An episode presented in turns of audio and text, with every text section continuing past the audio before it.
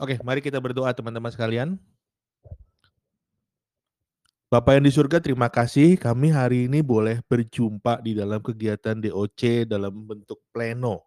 Tuhan sertai kami yang akan memulai ini Tuhan berikan kepada kami hikmat agar kami boleh dapat memahami apa yang menjadi isi hati Tuhan untuk kami aja belajar, untuk kami tahu dan kemudian bagaimana kami menerapkannya dalam kehidupan kami. Kami juga serahkan untuk saat ini Tuhan sertai dan pimpin kami semua agar dapat fokus, konsentrasi dan juga kemudian terlibat di dalam pembelajaran ini Tuhan. Kami serahkan seluruh perangkat yang kami gunakan. Tuhan boleh serta eh, berkati agar semua perangkat ini dapat berfungsi dengan baik mulai dari jaringan listrik, jaringan internet, laptop atau HP yang kami pergunakan. Terima kasih ya Bapak di surga. Kepadamu kami berdoa dan mohon dalam nama Tuhan Yesus Kristus, Tuhan dan Juru Selamat kami. Amin. Baik teman-teman sekalian, kita pastikan teman-teman sudah mendownload materi yang akan kita pergunakan. Teman-teman silahkan persiapkan ya. Nah, kita akan belajar ini adalah aku istimewa. Ya, aku istimewa. Materi kita dari kejadian satu. Ya, teman-teman sekalian. Di sini ada sebuah pendahuluan diceritakan ada seorang anak ya yang pulang sekolah masuk ke rumah dengan wajah yang tertunduk gitu ya, wajah yang mungkin juga jengkel atau marah. Anak ini namanya Betty ketika dia pulang ke rumah lalu kemudian ada mamanya. Mamanya lagi baca koran. Jadi tidak tahu apa yang sedang tampak di wajah si Betty ini. Mamanya nanya gimana sekolahnya Betty, tapi Betty segera lari ke kamarnya. Ya. Dan mamanya kemudian baru menengok, bertanya-tanya apa yang terjadi. Nah, kemudian Betty masuk ke kamarnya, lalu mamanya menyusul dan bertanya, kamu kenapa Betty? Betty kemudian berkata ya, Mama, aku nggak mau sekolah di SMP itu. Aku mau pindah sekolah aja. Kenapa kok Betty mau pindah sekolah? Itu kan sekolah pilihanmu sendiri. Masa aku dibilang Betty si wajah lucu? Teman-temanku selalu mengolok aku. Lihat itu si hiding pesek dan ih jerawatnya gitu ya. Memangnya aku ini jelek ya mah? Kok Tuhan tega banget ciptain aku kayak begini? Ya, teman-teman sekalian, siapa di antara kita yang pernah mengalami hal yang serupa? Ya, diolok-olok, diejek seperti itu oleh teman-teman kita, membuat kita kemudian down, membuat kita kemudian juga tidak percaya diri dan kemudian kita berpikir apakah betul aku ini jelek? Kenapa Tuhan ciptakan aku dengan kondisi yang jelek seperti ini. Ya teman-teman sekalian, mari kita pelajari, betulkah anggapan atau pikiran kita seperti itu? Dan kemudian apa yang menjadi rencana Tuhan bagi kita. Mari kita baca dari kejadian satu teman-teman sekalian. Buka Alkitabmu, lalu kita mulai membaca kejadian satu.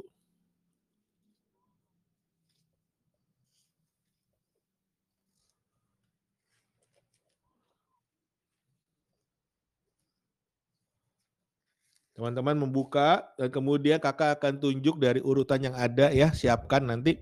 Kak Hartawan akan baca ayat 1, lalu di sini Noel. Noel ayat 2, Reni ayat 3, Monica ayat 4. Itu dulu, nanti begitu berterus selanjutnya kakak akan sebutkan siapa yang ada di sini. Ya. Noel siap? Mana suaranya Noel? Iya, ya, nanti Kakak baca ayat 1. Yang bacaan di mana, Kak? Iya, Kak Noel ayat 2. Udah gitu dan setelah Noel nanti Monica ya. Di kitab mana, Kakak? Lupa. Kejadian 1. Ya, kejadian 1. Ya, kejadian 1 ayat 1 sampai selesai. Kejadian 1 ini berarti kita membaca sampai pasal 31 ya.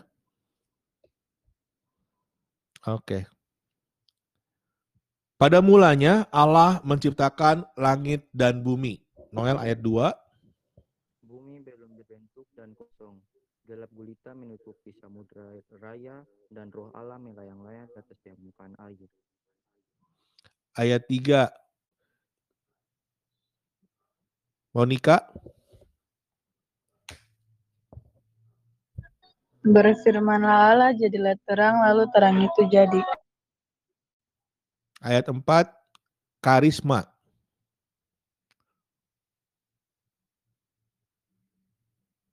Karisma ayat 4.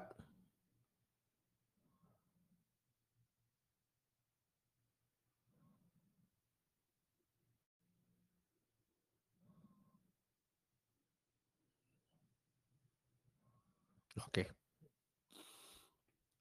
Berikutnya Karisma nggak ada ya, udah dengar nyaut. Randi Patiasina.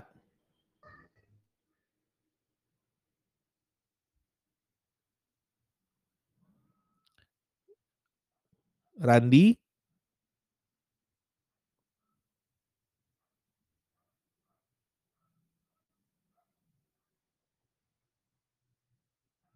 Randi, silakan di open mic. Ayat 3, kejadian 1. Ya. Randi Patiasina.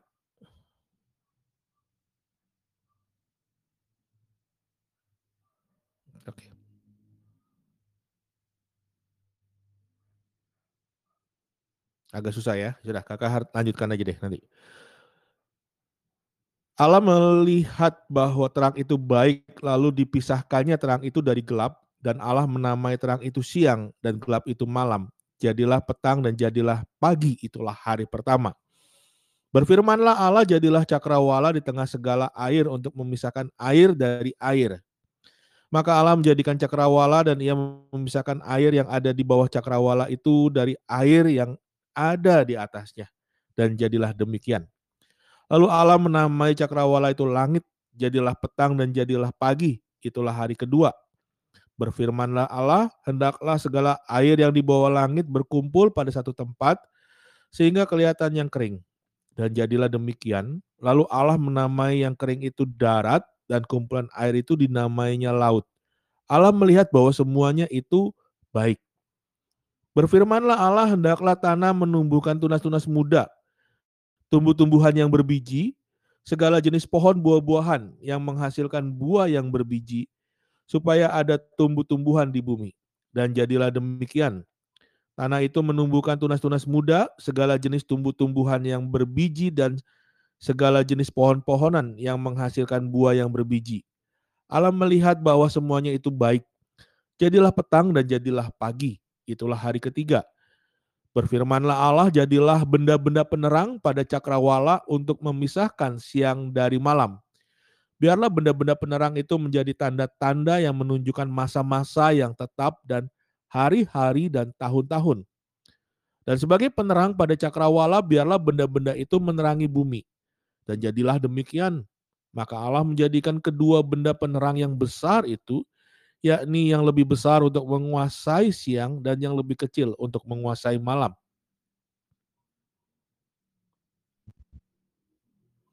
Dan menjadikan juga bintang-bintang. Allah menaruh semuanya itu di cakrawala untuk menerangi bumi dan untuk menguasai siang dan malam dan untuk memisahkan terang dari gelap. Allah melihat bahwa semuanya itu baik. Lalu jadilah petang dan jadilah pagi, itulah hari keempat. Berfirmanlah Allah, hendaklah dalam air berkeriapan makhluk yang hidup, dan hendaklah burung berterbangan di atas bumi melintasi cakrawala. Maka Allah menciptakan binatang-binatang laut yang besar dan segala jenis makhluk hidup yang bergerak, yang berkeriapan dalam air, dan segala jenis burung yang bersayap. Allah melihat bahwa semuanya itu baik.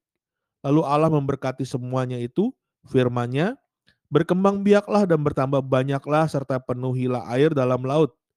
Dan hendaklah burung-burung di bumi bertambah banyak. Jadilah petang dan jadilah pagi, itulah hari kelima. Berfirmanlah Allah, hendaklah bumi mengeluarkan segala jenis makhluk yang hidup, ternak dan binatang melata, dan segala jenis binatang liar. Dan jadilah demikian. Allah menjadikan segala jenis binatang liar dan segala jenis ternak dan segala jenis binatang melata di muka bumi. Allah melihat bahwa semuanya itu baik. Berfirmanlah Allah, baiklah kita menjadikan baiklah kita menjadikan manusia menurut gambar dan rupa kita supaya kita supaya mereka berkuasa atas ikan-ikan di laut dan burung-burung di udara dan atas ternak dan atas seluruh bumi dan atas segala binatang melata yang merayap di bumi. Maka Allah menciptakan manusia itu menurut gambarnya, menurut gambar Allah diciptakannya dia. Laki-laki dan perempuan diciptakannya mereka. Allah memberkati mereka lalu beral, lalu Allah berfirman kepada mereka, beranak cuculah dan bertambah banyak. Penuhilah bumi dan taklukkanlah itu. Berkuasalah di atas ikan-ikan di laut dan burung-burung di udara dan atas segala binatang yang merayap di bumi. Berfirmanlah Allah, lihatlah aku memberikan kepadamu segala tumbuh-tumbuhan yang berbiji di seluruh bumi dan segala pohon-pohonan yang buahnya berbiji. Itulah yang akan menjadi makananmu. Tetapi kepada segala binatang di bumi dan segala burung di udara dan segala yang merayap di bumi yang bernyawa. Kuberikan segala tumbuh-tumbuhan hijau menjadi makanannya. Dan jadilah demikian. Maka Allah melihat segala yang dijadikannya itu sungguh amat baik. Jadilah petang dan jadilah pagi, itulah hari keenam. Ya, teman-teman kita udah menyelesaikan pembacaan kejadian satu. Ya. Ini kita lihat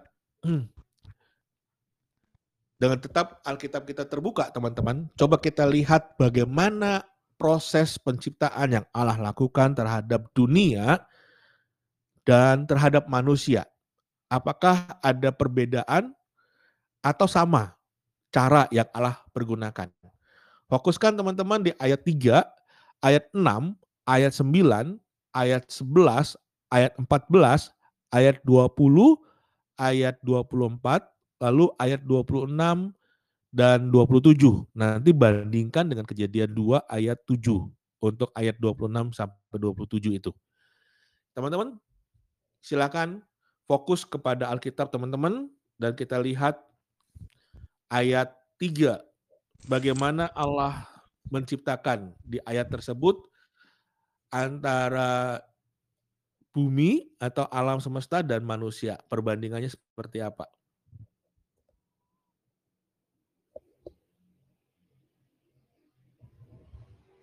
Ayat 6 juga teman-teman silakan cermati dulu, Kakak kasih waktu. Ya, udah gitu nanti silakan yang mau untuk ini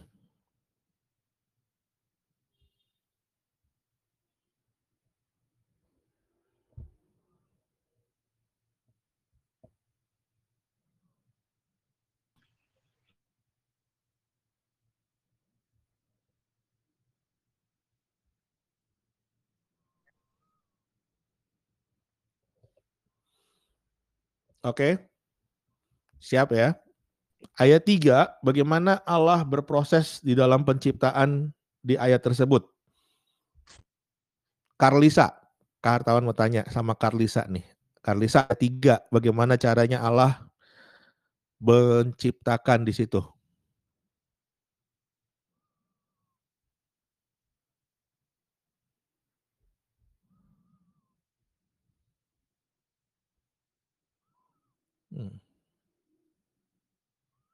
Karlisa menghilang.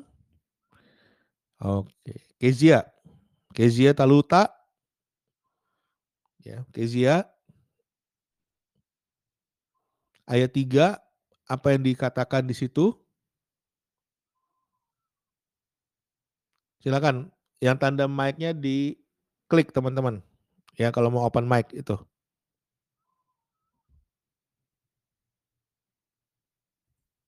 Pak, saya boleh jawab? Kezia Taluta.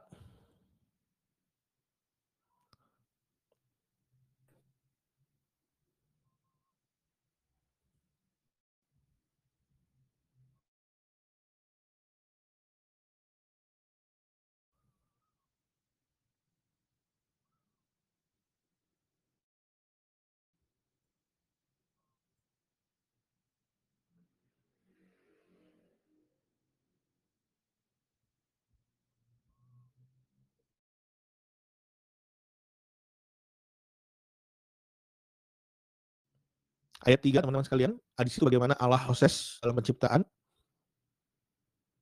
Dikatakan di situ Allah berfirman ya teman-teman sekalian. Kan Allah ber hmm.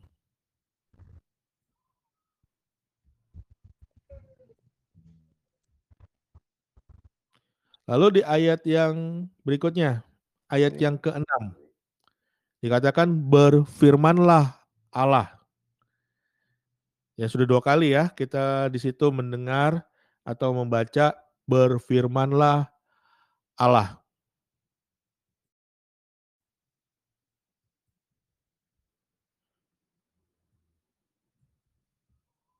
Kemudian teman-teman sekalian ayat yang ke-9 dikatakan berfirmanlah Allah. Sekali lagi dikatakan ayat 9 berfirmanlah Allah. Ayat 11 dikatakan berfirmanlah Allah. Ayat 14 berfirmanlah Allah. Ayat 20 berfirmanlah Allah. Ayat 24, berfirmanlah Allah. Ya teman-teman, berkali-kali kita membaca dan mendengar di sini berfirmanlah Allah. Kemudian di ayat 26 dan 27. Berfirmanlah Allah, ini menarik ya. berfirmanlah Allah, Baiklah kita menjadikan manusia menurut gambar dan rupa kita, supaya mereka berkuasa atas ikan-ikan di laut dan burung-burung di udara, dan atas ternak dan atas seluruh bumi, dan atas segala binatang melata yang merayap di bumi. Ayat 27. Maka Allah menciptakan manusia itu menurut gambarnya. Menurut gambar Allah diciptakannya dia laki-laki dan perempuan diciptakannya mereka. Bandingkan dengan kejadian 2 ayat 7. Ketika itulah Tuhan Allah membentuk manusia itu dari debu tanah dan menghembuskan napas hidup ke dalam firm, ke dalam hidungnya. Demikianlah manusia itu menjadi makhluk yang hidup. Teman-teman sekalian, dari ayat 3, 9, 11, 14, 20, 24 berfirmanlah Allah. Ayat 26 memang didahului dengan perkataan berfirmanlah Allah. Ya. Berfirmanlah Allah. Nah, teman-teman di situ, tapi di situ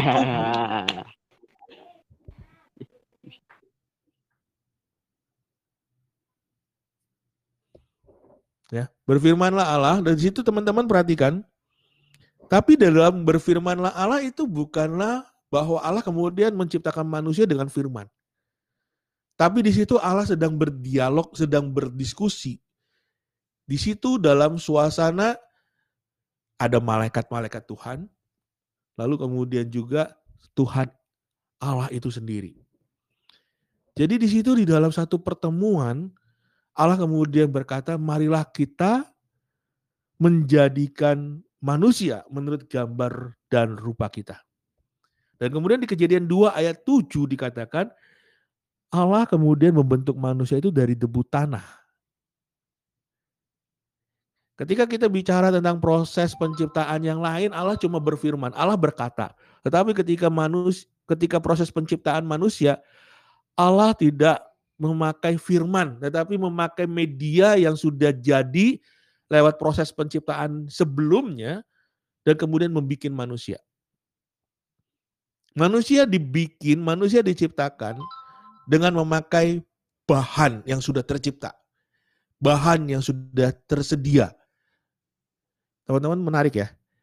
Kenapa kok repot-repot Allah memproses membuat manusia dengan cara yang berbeda. Kan Allah tinggal ngomong aja, jadilah manusia. Allah nggak usah bikin dari debu tanah. Bisa. Bisa bagi Allah.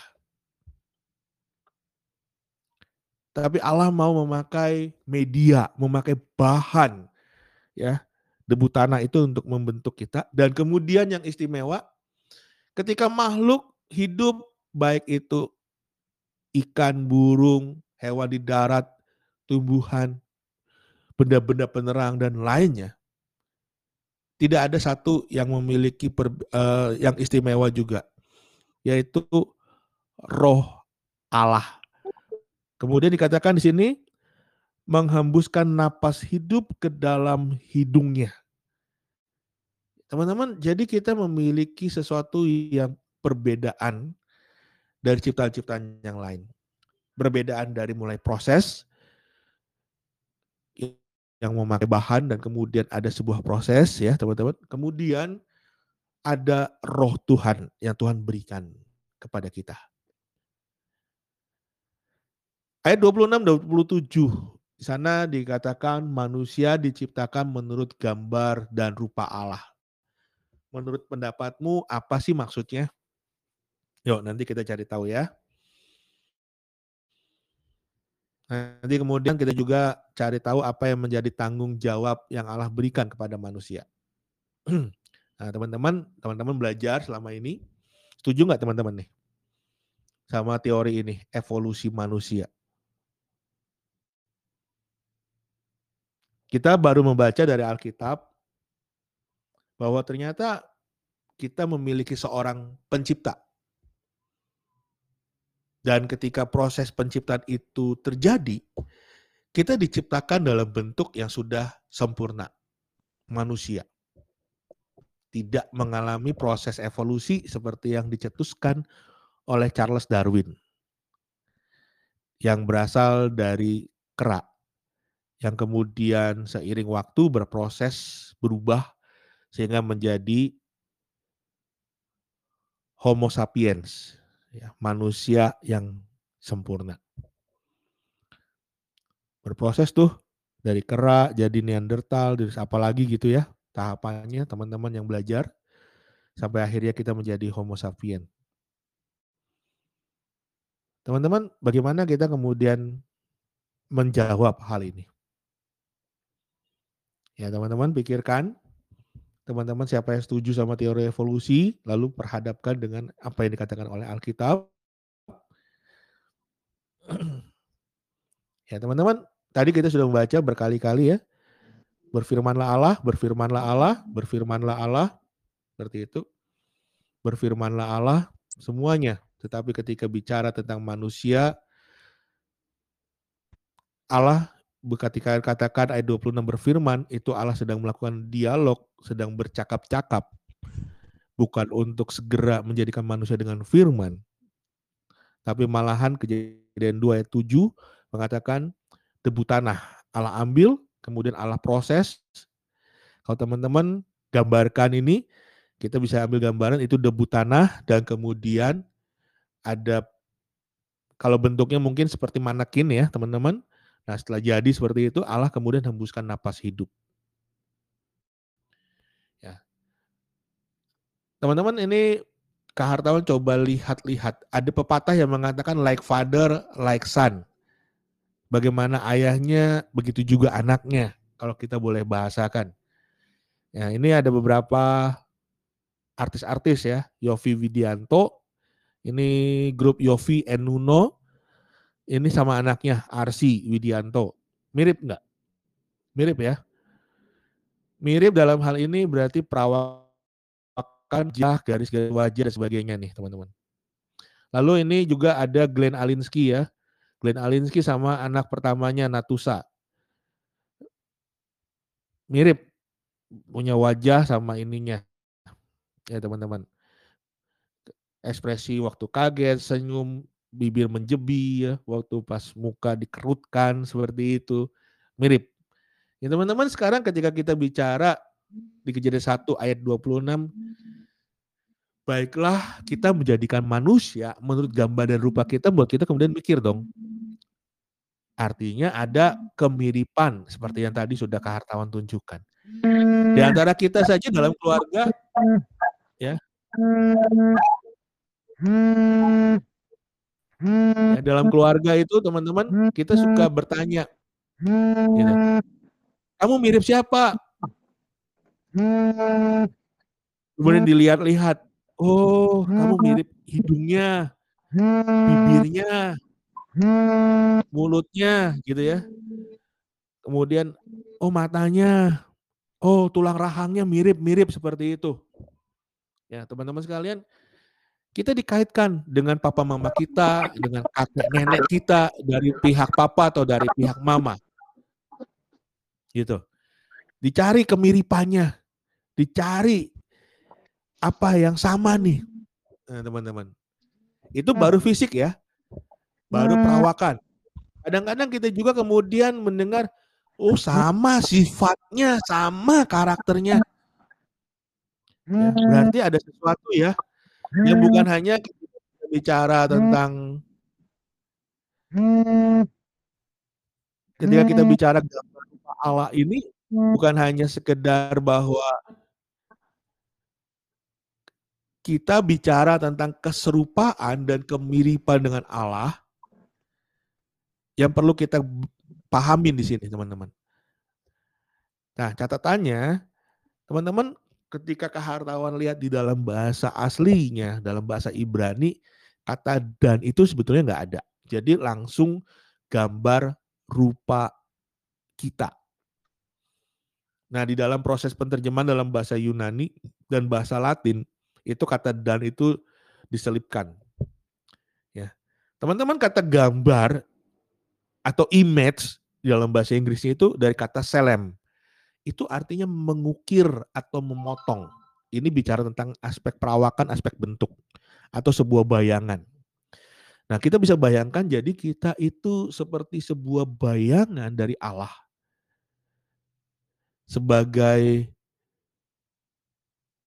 bayangan teman-teman berarti kan kita lihat ya, bayangan itu akan mirip sama kita yang jadi ininya, modelnya. Kan nggak mungkin bayangan kita ketika kita kena sinar, bayangan itu kemudian berbeda bentuk sama kita. Pasti sama. Jadi kita di sini bicara tentang gambar rupa. Gambar berarti kita menjadi representasi Allah. Wakil Allah. Dan kemudian kata rupa ini menyerupai keserupaan dari kata likeness bahasa Inggrisnya, demut bahasa Ibraninya, menyerupai. Ya teman-teman, mari kita pikirkan apa saja ya kalau begitu yang Allah berikan kepada kita untuk membuat kita menjadi gambar rupanya, menjadi gambar rupa Allah. Ini beda kan sama ciptaan-ciptaan yang lain. Ketika Allah ciptakan itu hewan-hewan di darat, hewan-hewan di air, hewan-hewan di udara, Allah nggak menyinggung. Aku akan memberikan gambar rupaku kepada semuanya.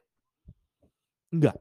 Tapi kepada manusia, Allah kemudian khusus menekankan membentuk manusia menurut gambar rupa Allah. Teman-teman, gambar rupa itu Allah berikan di dalam diri kita dalam beberapa aspek. Pertama, ketika kita bicara karakter, teman-teman. Allah kita Allah yang adil. Ya, Allah kita Allah yang adil, teman-teman. Ya. Allah kita adalah Allah yang benar. Ya, dia menyukai kebenaran. Makanya kenapa kemudian kita bisa tahu apa itu adil, apa itu yang benar, dan lain-lain karena ada apa? Allah berikan kepada kita rasa keadilan, kemudian standar kebenaran seperti apa, mana benar, mana salah. Ya teman-teman sekalian. Jadi kita memahami. Kedua sifat yang Allah berikan kepada kita. Allah kita Allah yang kasih, ya. Kita bisa mengasihi, kita bisa menyayangi, iya. Kita murah hati, Ya, kita murah hati. Allah kita Allah yang murah hati. Dan sifat-sifat yang lainnya Allah berikan juga kepada kita. Allah kita Allah yang berkuasa. Iya, ada kuasa. Tuhan kemudian memberikan kuasa kepada kita. Iya. Kalau kita baca, dikatakan di situ selanjutnya ketika kita sudah diciptakan, Allah bilang, berkuasalah atas seluruh hewan, Ya, teman-teman perhatikan situ ayat 20.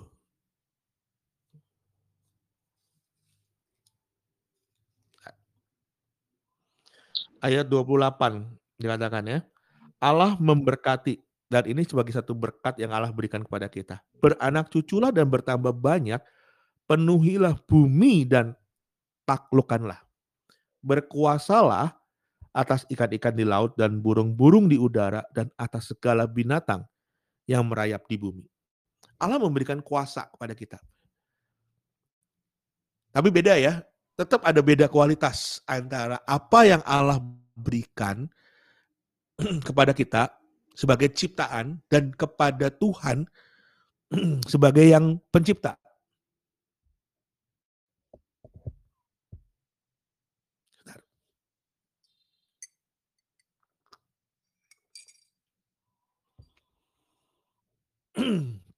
Nah, teman-teman perbedaan-perbedaan itu antara lain Allah kita Allah Maha Kuasa, kita nggak Maha Kuasa di dalam kekuasaan yang Tuhan berikan kepada kita. Di dalam power, di dalam kekuatan yang Tuhan berikan kepada kita itu tidak Maha Kuasa. Dibatasin. Kita punya pengetahuan, punya. Allah kita Maha tahu. Tetapi kita tidak Maha tahu, teman-teman. Ya. Kita cuma bisa mengetahui apa yang sudah Allah nyatakan kepada kita yang sudah Allah singkapkan kepada kita. Dan itu jumlahnya nggak banyak, tetapi bagi Allah itu sudah cukup. Kenapa? Ketika kita mau mengembangkan otak daya pikir kita dan pengetahuan, kita baru bisa mencapai itu hanya beberapa bagian daripada yang Allah berikan pada kita. Ya teman-teman kita nggak maha tahu. Allah kita Allah yang maha hadir. Allah kita Allah yang maha hadir. Dan kita tidak maha hadir. Beda ya. Allah kita bisa omnipresent di mana-mana itu ada. Kita hanya bisa hadir di satu ruang, di satu tempat. Gak bisa kita ada di Ambon, kemudian ada di Jakarta di saat yang bersamaan. Kecuali by teknologi ya. Ini yang berbeda. Kalau ini dengan teknologi kita bisa mengikuti acara yang di Jakarta, di Manado, atau di Jepang, atau di Amerika. Tapi kita nggak bisa hadir di sana secara fisik. Allah kita Allah yang kekal, tetapi kita nggak kekal. Kita nggak kekal. Ada batas waktu, ada batas usia yang Tuhan berikan kepada kita. Kemudian Allah itu tidak memiliki tubuh. Allah itu roh adanya, tapi kita punya tubuh, kita punya fisik. Ya, teman-teman. Ini beberapa perbedaan. Jadi ketika kita bicara tentang gambar rupa Allah, mari kita pahamin. Oh iya ya. Ternyata Allah menciptakan kita itu sebagai representasi, sebagai perwakilan, sebagai gambaran akan Allah. Di mana kita diberikan sebagian daripada apa yang ada pada diri Allah kepada kita. Luar biasa ya teman-teman. Ini keistimewaannya kita. Ini perbedaannya kita dengan ciptaan yang lain. Bukan hanya bicara tentang proses, cara menciptakannya, tetapi juga tentang apa yang Allah berikan kepada kita sebagai sebuah kelebihan, sebagai sebuah keistimewaan. Kadang-kadang ketika kita bicara tentang gambar rupa berarti bicara tentang kesamaan. Oh harusnya dong kita sama. Dari yang tinggal di Amerika, Asia, ya, kemudian di benua yang lain juga Eropa. Harusnya sama dong, bentuk fisiknya sama. Rambutnya sama, matanya warnanya sama, kulitnya warna sama. Bukan seperti itu teman-teman. Tuhan menciptakan kemudian berproses disesuaikan di dalam situasi geografis, cuaca dan sebagainya, makanya kemudian kita bisa berbeda-beda. Yang samanya apa? Sama-sama punya rambut, sama-sama punya mata, sama-sama punya tubuh, ya. Seperti itu teman-teman. Ketika kita bicara gambar rupa Allah itu bukan bicara seperti sebuah fotokopi bayangan yang kemudian tidak memiliki keunikan. Ya di dalam diri Allah yang Allah berikan pada kita sebagai bayangannya Allah, karakter-karakter Dia, sifat-sifat dia, kuasa, dan sebagainya. Itu yang Allah berikan kepada kita. Nah, teman-teman, boleh nggak kemudian kita mengejek, menghina, melecehkan orang lain? Seperti yang dialami oleh Gebi.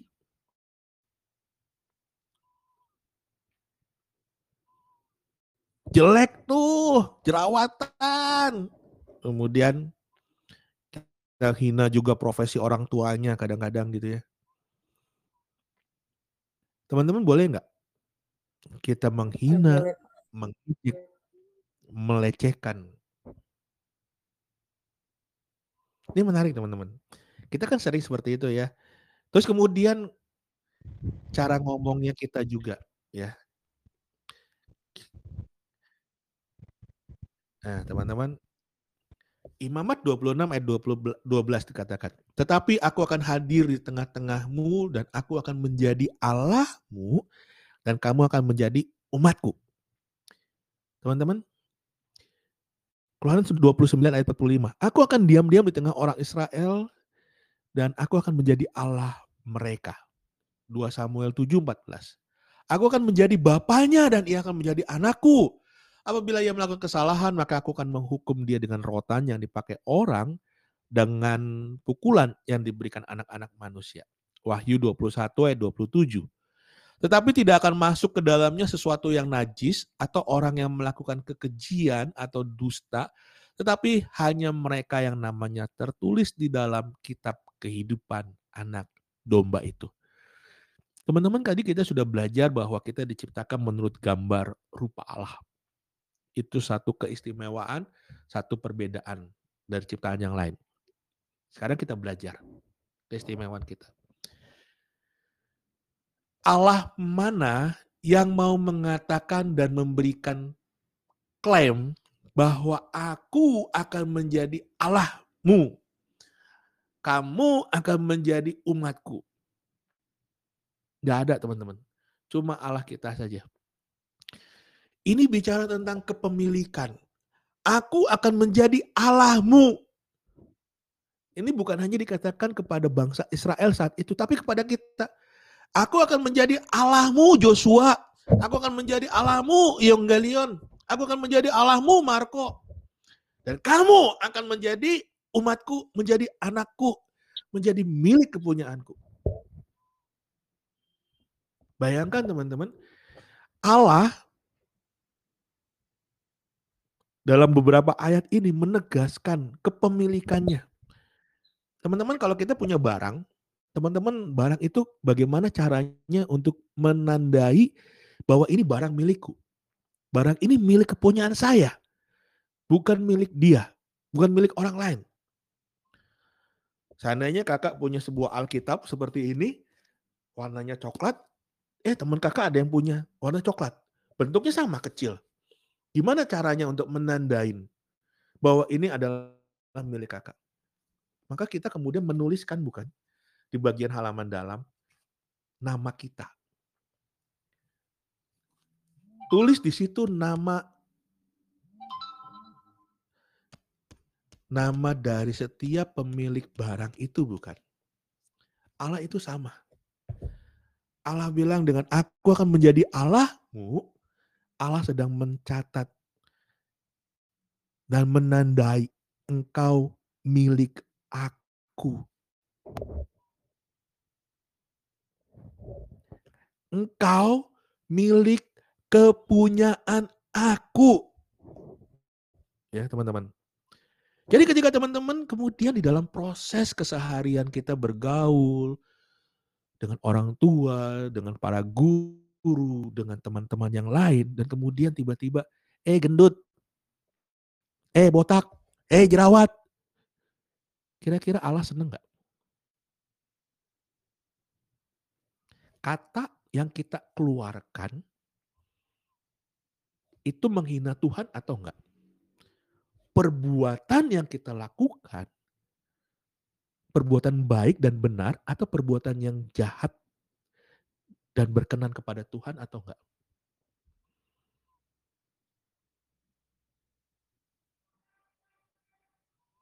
Di dalam rumah sehari-hari teman-teman, bagaimana kita ngomong sama orang tua dan bersikap kepada orang tua?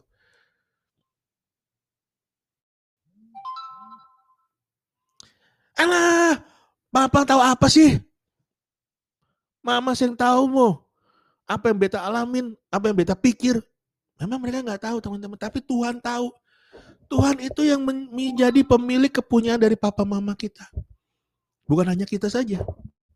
Ketika kita bersikap seperti itu kepada papa mama kita, ketika kita berbicara dengan sikap yang kasar, sikap yang tidak menghormati mereka, berarti kita bersikap yang sama kepada Tuhan. Ketika kita memperlakukan sesama kita dengan buruk, berarti kita sedang bersikap buruk bukan kepada dianya, tapi kepada Tuhan.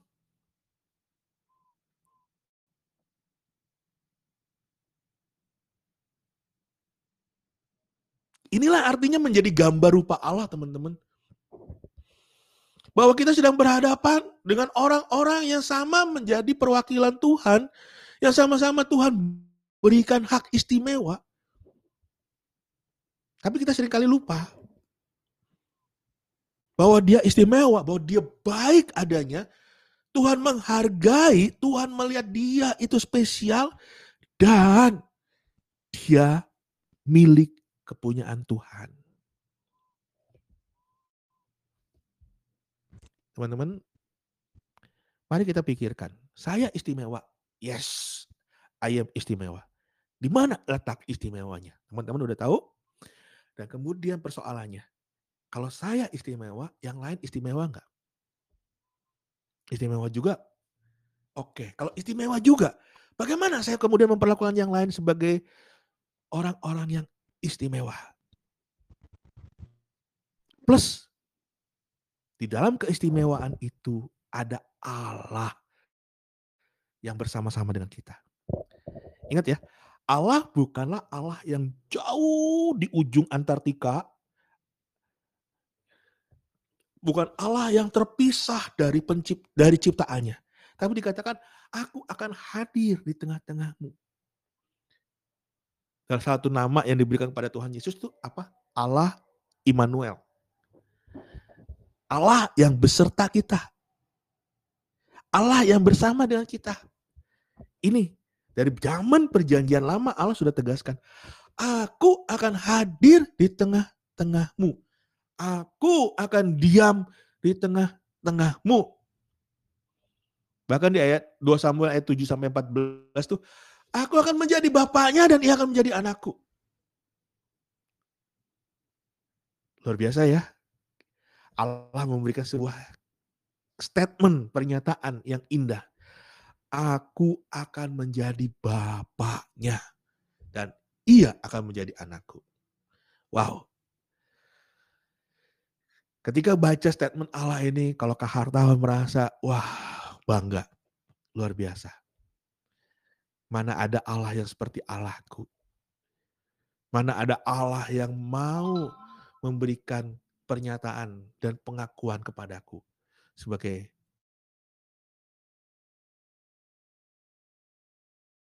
aku anaknya. Kalau aku adalah anak Allah, aku adalah anak Bapa, maka aku harus seperti apa di dalam kehidupan ini. Dan ayat Wahyu 21 ayat 27 dikatakan, tidak akan ada yang masuk ke dalamnya. Ini bicara yang masuk ke mana? Ke surga, ke tempat kediaman Allah. Sesuatu yang najis, orang yang melakukan kekejian atau dusta. Ya teman-teman, sesuatu yang najis berarti sesuatu yang kotor, yang Allah tidak suka. Allah kita kudus dan ia tidak suka ketidakkudusan. Orang yang melakukan kekejian berarti melakukan kejahatan. Allah tidak suka kepada kejahatan. Allah suka kebenaran. Dusta. Allah juga nggak suka. Berarti perbuatan-perbuatan yang tidak baik, yang tidak benar, yang tidak sepadan dan tidak seperti yang standarnya Tuhan. Tuhan tidak izinkan. Tuhan hanya izinkan apa? Mereka yang namanya tertulis di dalam kitab kehidupan anak domba. Teman-teman, apakah namamu ada di situ? Pastikan kalau sudah ada, apakah perbuatanmu sejajar dengan standar Tuhan? Ya. Kita diajak bukan hanya memikirkan saya istimewa, tapi juga bagaimana keistimewaan itu diterapkan dalam kehidupan kita. Ya, teman-teman. Jadi kita sekarang mengetahui ya, kita bahwa manusia itu sebagai istimewaan kita ya. Dan kemudian keistimewaan itu juga ada di hadapan Allah. Gak seorang pun punya hak untuk menghina atau merendahkan diri kita. Demikian juga nggak ada seorang pun yang bisa kita hina. Atau kita perlakukan dengan tidak adil, dengan kecurangan.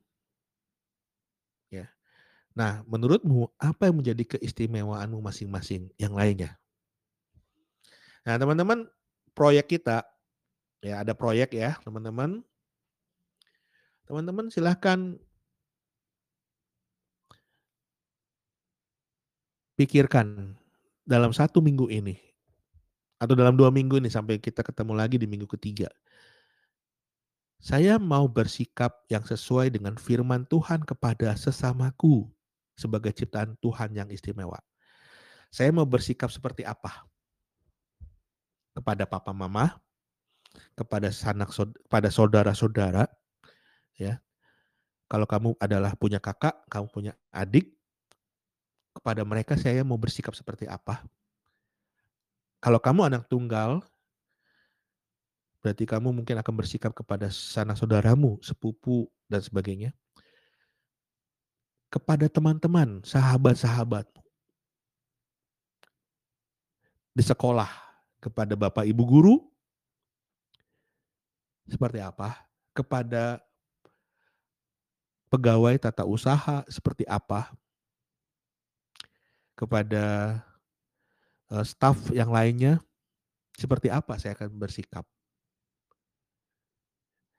dan kepada orang lain, terutama orang-orang yang belum kenal Tuhan. Saya akan bersikap seperti apa kepada mereka. Ya, proyek ini teman-teman silahkan catat dan buk, tuliskan dalam buku teman-teman. Ya, tiap hari. Mulai dari hari ini sampai nanti ketemu lagi kita. Dan kedua, teman-teman dalam proyek ini, jika ada yang mengejek atau menghina aku, maka aku akan, nah teman-teman silakan. Teman-teman mau bersikap seperti apa yang akan teman-teman tunjukkan. Kalau ada yang mengejek, ada yang menghina aku, maka aku akan seperti apa? Ya. Jadi proyeknya teman-teman proyek dalam tindakan, dalam action, ya teman-teman. Nah teman-teman nanti menghafalkan juga ayat hafalan kita kejadian 1 ayat 27. Dan kemudian membaca kejadian 3 ayat 1 sampai 24 sebagai satu persiapan untuk pertemuan kedua kita. Teman-teman sekalian, kakak harap eh, teman-teman uh, boleh paham. Oh ya, kalau teman-teman nanti mau ada yang mau ditanyakan, kalau ada yang mau di apa gali lebih dalam, teman-teman silahkan kirimkan pertanyaan di dalam grup super grup DOC di dalam bagian tanya jawab ya. Nanti kita akan bahas di sana lebih lengkap lagi. Kalau teman-teman memang ada mau tanya-tanya tentang materi yang sudah teman-teman pelajari. Oke, sampai di sini pertemuan kita teman-teman dan kakak berharap teman-teman sekalian boleh dapat menghargai, bersyukur kepada Tuhan dan kemudian menghargai orang-orang yang Tuhan berikan pada kita bersama-sama dengan kita saat ini. Mari kita berdoa teman-teman. Bapak yang di surga, terima kasih betapa luar biasanya Engkau menciptakan kami. Engkau memberikan gambar rupamu kepada kami. Tapi kami suka lupa Tuhan. Kalau kami ini istimewa. Kalau kami ini menjadi representasi dari Engkau. Kami suka bersikap sesuka hati kami kepada sesama kami. Pada papa mama, kepada saudara-saudara kami, kepada sahabat kami, pada orang-orang lain. Kadang-kadang dari mulut kami bisa keluar perkataan yang kasar. Kadang-kadang tangan, tindakan kami yang lain juga melakukan perbuatan yang tidak benar, yang menyakiti. Ampuni kami Tuhan. Dan tolong kami mulai sekarang untuk boleh belajar memahami. Setiap orang-orang yang Tuhan izinkan kami jumpai dan bersama dengan kami itu adalah orang-orang yang istimewa. Karena mereka adalah milik kepunyaan Allah. Dan kami juga sebagai sesama milik kepunyaan Allah, bantu kami untuk boleh mengembangkan sikap yang benar di dalam kami berkata-kata, di dalam kami bertingkah laku. Tolong kami untuk menggemari, menyukai apa yang menjadi standar Tuhan. Bantu kami untuk melawan hal-hal yang buruk, bantu kami untuk melawan hal-hal yang tidak baik, sehingga kami tidak mempermalukan Tuhan dan juga tidak melukai hati Tuhan. Tolong kami juga di dalam proyek yang akan kami jalani selama dua pekan ke depan ini Tuhan, agar dapat berjalan dengan baik ketika kami berinteraksi dengan orang-orang di sekitar kami. Bagaimana kami boleh memikirkan, mengatakan, dan bertindak kepada mereka dan jadikan itu kemudian sebagai satu kebiasaan baik yang baru yang perlu kami miliki dan kami kembangkan untuk memuliakan Tuhan, untuk menyenangkan hati Tuhan. Terima kasih ya Bapak di surga. Kalau kami kecil hati, kalau kami selama ini menganggap diri kami jelek, menganggap diri kami nggak istimewa, bantu kami merubah pemahaman itu juga Tuhan. Bantu kami menghapus dan membuang anggapan yang tidak benar itu. Tanamkan kepada kami. Mulai sekarang kami ini spesial, kami ini istimewa, kami ini masterpiece-nya Tuhan. Kami diciptakan dengan dahsyat, dengan ajaib. Tuhan bantu kami. Tolong kami Tuhan. Terima kasih. Dan biarlah statementmu Tuhan. Bahwa engkau akan menjadi Bapak bagi setiap kami. Dan kami boleh menjadi anakmu ya Tuhan. Itu menjadi satu bagian yang indah. Satu bagian yang kami ingat seumur hidup kami. Tidak kami lupakan. Sertai kami Tuhan dalam seluruh aktivitas dan tugas tanggung jawab kami hari ini. Tuhan pimpin, Tuhan sertai kami, sehingga kami boleh menjalani hari ini dengan baik. Dan tidak melalui atau membiarkannya berlalu begitu saja, tapi ada karya, ada hal-hal baik, hal-hal benar yang bisa kami lakukan di dalamnya. Terima kasih Bapak di surga. Demi nama Tuhan Yesus Kristus kami berdoa. Amin.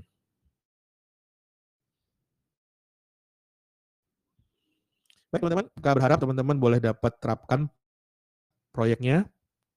Ya.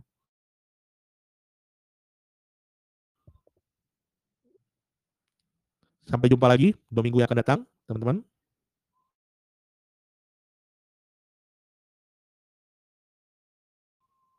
Shalom, Kati. Silakan yang sudah mau live. Ah, sebelumnya mungkin ada Ibu Ona, Ibu Ona ada bersama kita. Iya, sama-sama Ibu. Ya.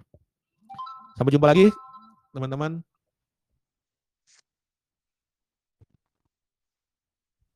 Terima kasih Pak, selamat pagi semuanya, shalom. Shalom. Pagi semuanya. Ya, salam. Shalom. Shalom, terima kasih Pak.